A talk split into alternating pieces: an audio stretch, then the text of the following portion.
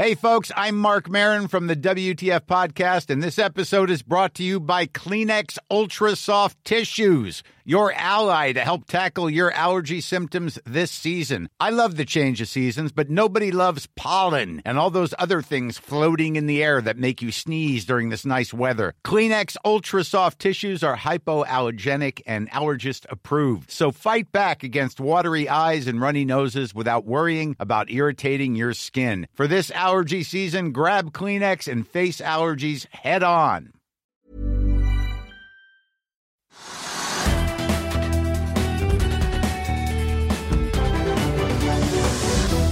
Velkommen til Økonominyhetene. I dag skal vi ha teknisk analyse av DNB, som fortsetter opp. Men vi begynner på Oslo Børs, Trygve. Ja, I dag er det jo ganske morsomt. da. Altså, Hovedindeksen er ikke opp så veldig mye i poeng. Den er opp en halv prosent eller nesten 1% Men vi har jo en kjempe oljedrevet børs. og Det er i og for seg morsomt og det er jo spennende. og så er det liksom da viktig hva som kommer ut av det. Men altså, oljepriser styrer alt i dag. Eh, og, det skyldes da det bare Hver dag så er det nye nye rykter om hva som foregår innen OPEC og OPEC pluss osv. Før helgen så kom da meldingen om at det var en avtale at man skulle forlenge denne produksjonsstansen som man hadde ut i, ut i juli, utover juni. Og det gjorde at oljeprisen i helgen har vært opp. Så oljeprisen har vært opp opp til 43 dollar på fat for brentoljen. Det er en kraftig økning i oljeprisen, og det medførte da at alt som hadde med olje å gjøre på Oslo Børs, gikk opp. og Vi, det, vi nevner som oftest da Equinor og Aker BP og Aker, som da har gått opp 2 og 4 og 6% og DNO 10% osv. Men i dag har det tatt helt av. Fordi at De selskapene som har sunket vanvittig mye, de har fått et løft pga. den høye oljeprisen. Da altså Borr har vært oppe i 80% opp, eller, og, og Sidri har vært opp 60% eller 50 og Aker Solution har vært opp 25% og PGS, seismikkselskapet, har vært opp 20-30 Alt er opp 20-30-50-100% Det er klart det blir litt russiske prosenter når man da faller 90 eller 97 og så skal man da øke 100% på den bunnen man er i. Men det er liksom da at nå trodde faktisk hele verden, inkludert, eller mest kanskje det norske miljøet, da, som trader i olje, olje og i oljeaksjer, så trodde de at liksom nå, var, nå var det bare én vei oppover. Men så falt plutselig oljeprisen igjen i formiddag. Så falt den da fra 43 dollar per fat til ja, til 41,5 fat per fat. eller sånn. Og da jeg gikk i studiet, nå, så kikket jeg på skjermen min før jeg gikk, og da sto det nå ca. 42 dollar per fat. Mm -hmm. Så det er på vei oppover. Øh, oljeprisen litt, og det er også en høy, høy, oljepris i forhold til hva som har vært. Og veldig mye høyere enn den var i april, så det har doblet seg siden det. Øh, men de sprangene vi har sett nå, de er, de er ikke mulig å regne hjem eller forklare. Så vi har en kjempemorsom oljedrevet børs i dag. Og kronekursen styrket også da i formiddag på bakgrunn av den økningen i oljeprisen, som det pleier å gjøre. Det er veldig korrelert. Uh, slik at I og for seg så er det en morsom dag, men det morsomme består i at veldig store hopp og pluss på da oljekorrelerte aksjer. Mm -hmm. 70% som du var inne på på Bård Drilling. Ja, det var 80, da. Ja, nå var det 70. Bare 70. Og EMGS 57 og Sidril 52 og Northern Drilling 39 og ja. akkurat som du sier, det er uh, så det er, det er noe som da syns er gøy å, å trade i det og, og, prøve å tjene penger på det. Det er jo bare bra hvis de gjør det. Eh, og hvis det hadde vært liksom slik at alle disse selskapene nå ville vært bedre stillet hvis man hadde denne, denne vi har, så hadde jeg syntes det også var kjempefint. Men det er ingen som vet om disse selskapene kommer til å tjene mer penger få for flere oppdrag fra oljeselskapene. Det går stadig. Derimot så kommer det mange rykter om at de store oljeselskapene, de internasjonalt kjente og store, at de skal kutte altså da 5000 og 10 000 og 20 000. Ja, BP 10 000 i dag. Ja, de, og de kutter mye. Og de kutter fordi de skal spare penger, de skal ha bedre resultater. Og da er det ikke sannsynlig eller ikke sannsynligvis overvekt i hvert fall, for at de vil bruke enda mer penger enn tidligere på seismikk eller lete etter olje med rigger eller da sette, sette inn flåte med supply-skip eller standby-skip eller hva det måtte være. Det er ikke, det er ikke sannsynlig. Men det er det bitte lille halmstrået av de som har aksjer i de selskapene som har gått vanvittig mye ned. Altså da, da mener jeg 97% eller 90% eller hva det måtte være.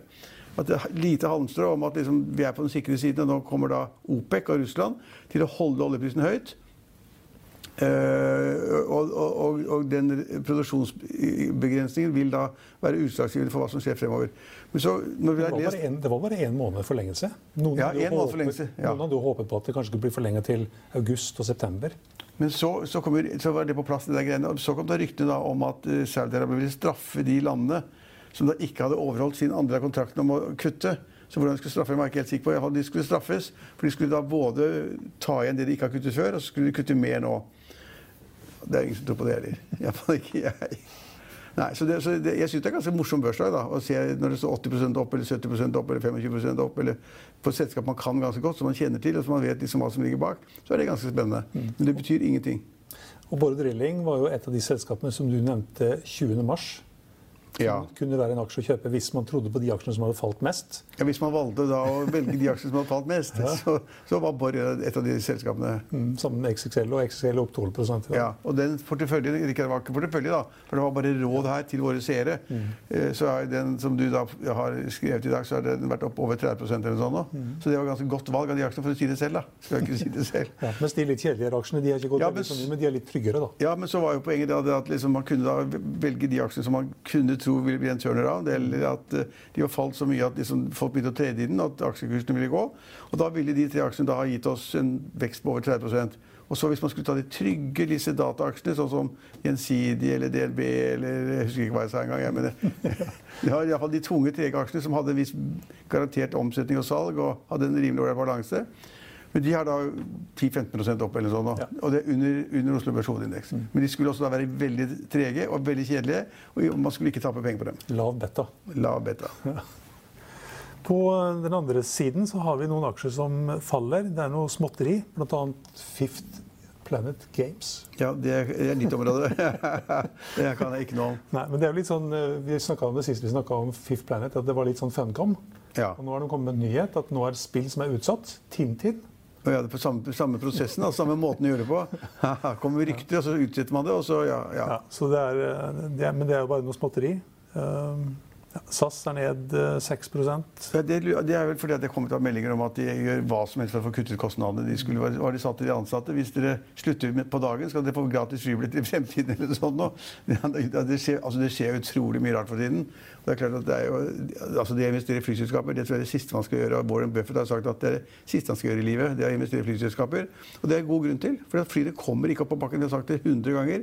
De fleste fly står på bakken fortsatt. Norwegian har syv fly i luften og 160 på bakken. Og sånn er det hele verden over. slik at det er så er det små tegn på at man kanskje kan øke litt trafikk i Sverige eller litt trafikk i Spania. eller hva Det måtte være. Men det er veldig smått. Det går sakte. og... Og selv om landene da åpner opp, så får du ikke folk inn. De må jo flys inn med, med et eller annet flyselskap. Og, ja. og så har jo da eh, sjefen for Ryanair, han, eh, vår kjente venn, hva heter han igjen? Michael O'Leary, Larry, han sier at dette med, dette med sånn, eh, sånn karantene. karantene og greier, det er bare tull. Han skal ha alle flyene i luften. Ja. Og, eh, men hvis man ikke tar bort karantene, så får han ikke flyene i luften. Tar de bort karantene, så får han flyene i luften. Han er litt sint på at eh, Storbritannia de vil ha folk som kommer inn til Storbritannia i karantene. I karantene, ja. Da, da, da taper han også så mye av trafikken. Og også hans trafikk er jo ned 90 eller hva det måtte være. Så det er, det er, han har jo også altfor mye fly. En annen ting, vet du hvordan det går med Nell-aksjen i dag? jeg? Hydrogen. Ja, Nell-aksjen er jo som, vanlig en av de mest omsatte. Faller 0,6% Men der trades det jo masse, og der er det jo altså, der er det jo også, Vi har vært inne på det når det gjelder Norwegian og andre selskaper, når det gjelder Borr osv., hvor det er liksom totalt misforhold mellom aksjekursen og, og egen, den reelle egenkapitalen og hvordan kursen går. Og i Nell så er det, det er, altså I Norge er det blitt en kjempeinteresse for hydrogen. Og Nell er jo produsent av anlegg, store anlegg. Og hver gang de får en ordre, så sender de ut en melding om at eh, nå har jeg fått en ordre på 50 millioner kroner eller 150 millioner kroner. Og hvis ordren er på 300 millioner kroner, så stiger aksjekursen med 3 milliarder. I dag, I dag så mener de at man har fått ordre på tre stasjoner i Sør-Afrika, men- nei, Sør-Korea. Ja, og da stiger kursen på De har aldri tjent penger, så vidt jeg husker. Iallfall ikke i nyere tid. Og uh, børsverdien er rundt 20 milliarder kroner, og det er ingen mening i det i det hele tatt. Så det er like gærent priset som Norwegian. Så vi har en del selskaper på Oslo Børs som da på en måte noen liker å trade i. De, masse mennesker trader jo Norwegian. Det var gøy. Det har folk glede av. Det lærer jeg av. Men de, liksom, det er ikke noe særlig økonomi i det. Og på samme måte har vi fått en egen gruppe mennesker som driver og trader stor omsetning i Nell. Fordi at hydrogen er fremtiden, tror de. Og det kan godt, tenkes at det er det, men altså prisingen er helt feil. De tjener ikke fem øre, og, og, og, og da er det ikke, det er ikke verdt 20 milliarder. Men da har de om en liten kontrakt, og da faller de litt, faktisk. Ja, ja, ok. Ja, Men omsatt for 490 millioner, ja. Som er nummer to etter Det er, det er, men det er blitt en god tradingaksje. Folk leker med den og har det gøy med den. Men på et eller annet tidspunkt så er det slik da det at matematikken eh, gjelder, og at vannet eh, faller nedover. og Inntil de tjener penger eller gjør noe som du kan tjene penger på, så vil kursen være altfor høy. Den kursen kommer ned. Siden vi var inne på Nell, da, som regnes som en litt sånn grønn aksje, Så har Veldig vi- grønn. Ja, veldig grønn.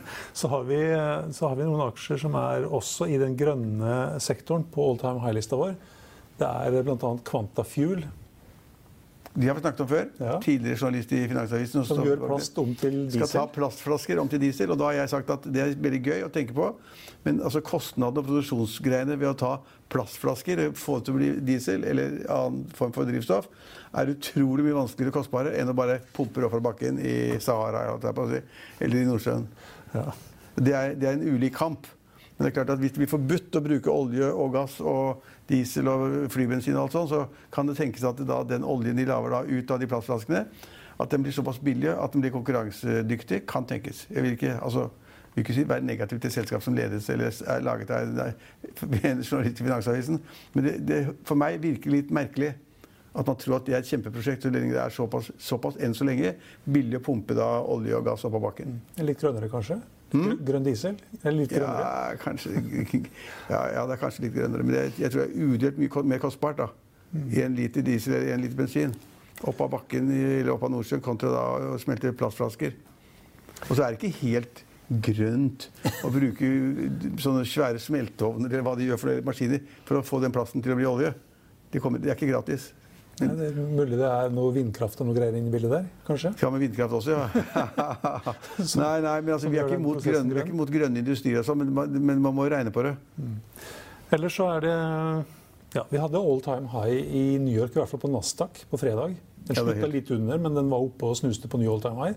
Fortsetter opp i dag òg. Ja, og Dow? Jones også opp. det. Altså, ja, men, altså, det er jo helt, det er et paradoks, det er nesten vanskelig å forstå. At det er den interessen på verdens børser for aksjer. Det er flott. Det synes vi, det har vi mye å snakke om og skrive om. Det er bra. Når man samtidig bare, bare får negative meldinger fra, da, fra, fra internasjonal økonomi Da kom det meldinger om at i Spania så regnet de nå med en arbeidsledighet på 23 I USA var den noen og 20. Altså, Ja, den var på vei mot 20, men så plutselig så falt den til 13. ja, ja, ja. Og det var, da, det var noen gærne arbeidsledighetstall og markedstall osv. Men det, er, det kommer jo stort sett bare negative nyheter. I Norge skal jo økonomien det skal jo falle med 4-5 skal ikke øke med 4-5 Og sånn er det verden over. slik at det må være det at investorene har tenkt at ok, det, eh, koronakrisen er en kjempekrise. Den kommer til å ta livet av oss nesten i 2020, men vi skal snu oss rundt og senke kostnader, være flinke og håpe at verden begynner å reise igjen. og hva det måtte være. Og så kommer vi tilbake i 2021 og 2022. Og det er kanskje mulig. Det vil kanskje skje, men da er er man ganske god til å lukke øynene for 2020. Det, det mener jeg. Men det blir litt sånn altså, de som har mye penger, og det er jo mye penger i omløp, hvor skal de ha pengene sine? Nei, da, hvor skal de ha penger? Nei, nei, De kan ikke putte i banken, for da får de jo null eller negativ rente. Så altså, I mange land også får du negativ rente hvis du er så dum å putte pengene i banken. Så du kan, du kan nesten ikke gjøre det, for du har inflasjon og du har skatt. Mm. I Norge har vi formuesskatt også. Eh, Så eh, man taper jo penger da ved å ha pengene sikkert. Og i statsobligasjon får man heller ikke noe rente, men, men det er kanskje bedre å ha da pengene i statsobligasjoner med nesten null rente eller halv prosent rente. Eh, Og, og i banken må det bli negativ rente hvis man får det, istedenfor å tape 25 30 80 eller 70% på børsen.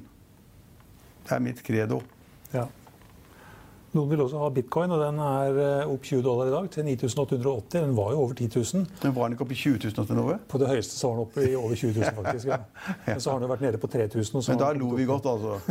da lo vi Det er noen som mener at bitcoin skal doble seg i år, da, til 20 000. Ja, jeg har ikke peiling. Jeg skjønner ikke hvordan de gjør det. Jeg skjønner ikke hvem som trader imellom. Jeg kjenner, vet ikke hvordan agentene gjør det. Vet ikke da dealerne gjør det. Jeg vet ingenting om det, annet enn at det virker helt sjukt på meg.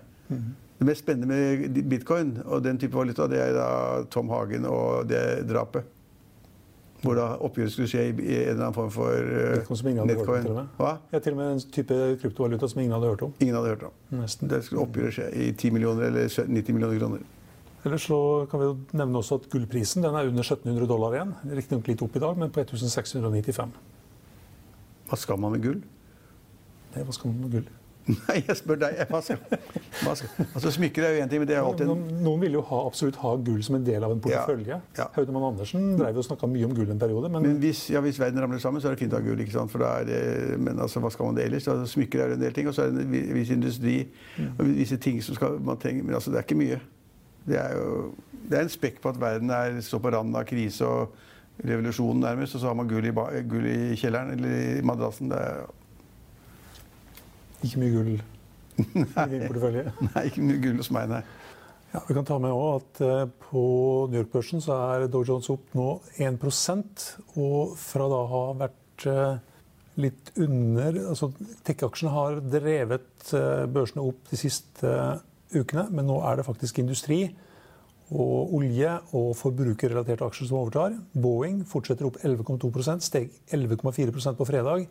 Exxon opp 4% American Express opp 3% Chevron opp 2,5% Bankene også. JP Morgan opp 1,9 Caterpillar opp 2,2 Coca-Cola opp 1,5 og McDonald's opp 0,4 I Finansavisen i morgen kan du lese Trygvingners leder om en førsteamanuensis som foreleser om sine drømmer og visjoner, men glemmer noe helt avgjørende. Du kan også lese om folk som bestiller, bestiller neste års sommerferie allerede nå, og at kjendisinvestor flytter pga boplikten. Det var det vi hadde for i dag, men vi er tilbake igjen i morgen klokken 15.30. Følg med oss igjen da.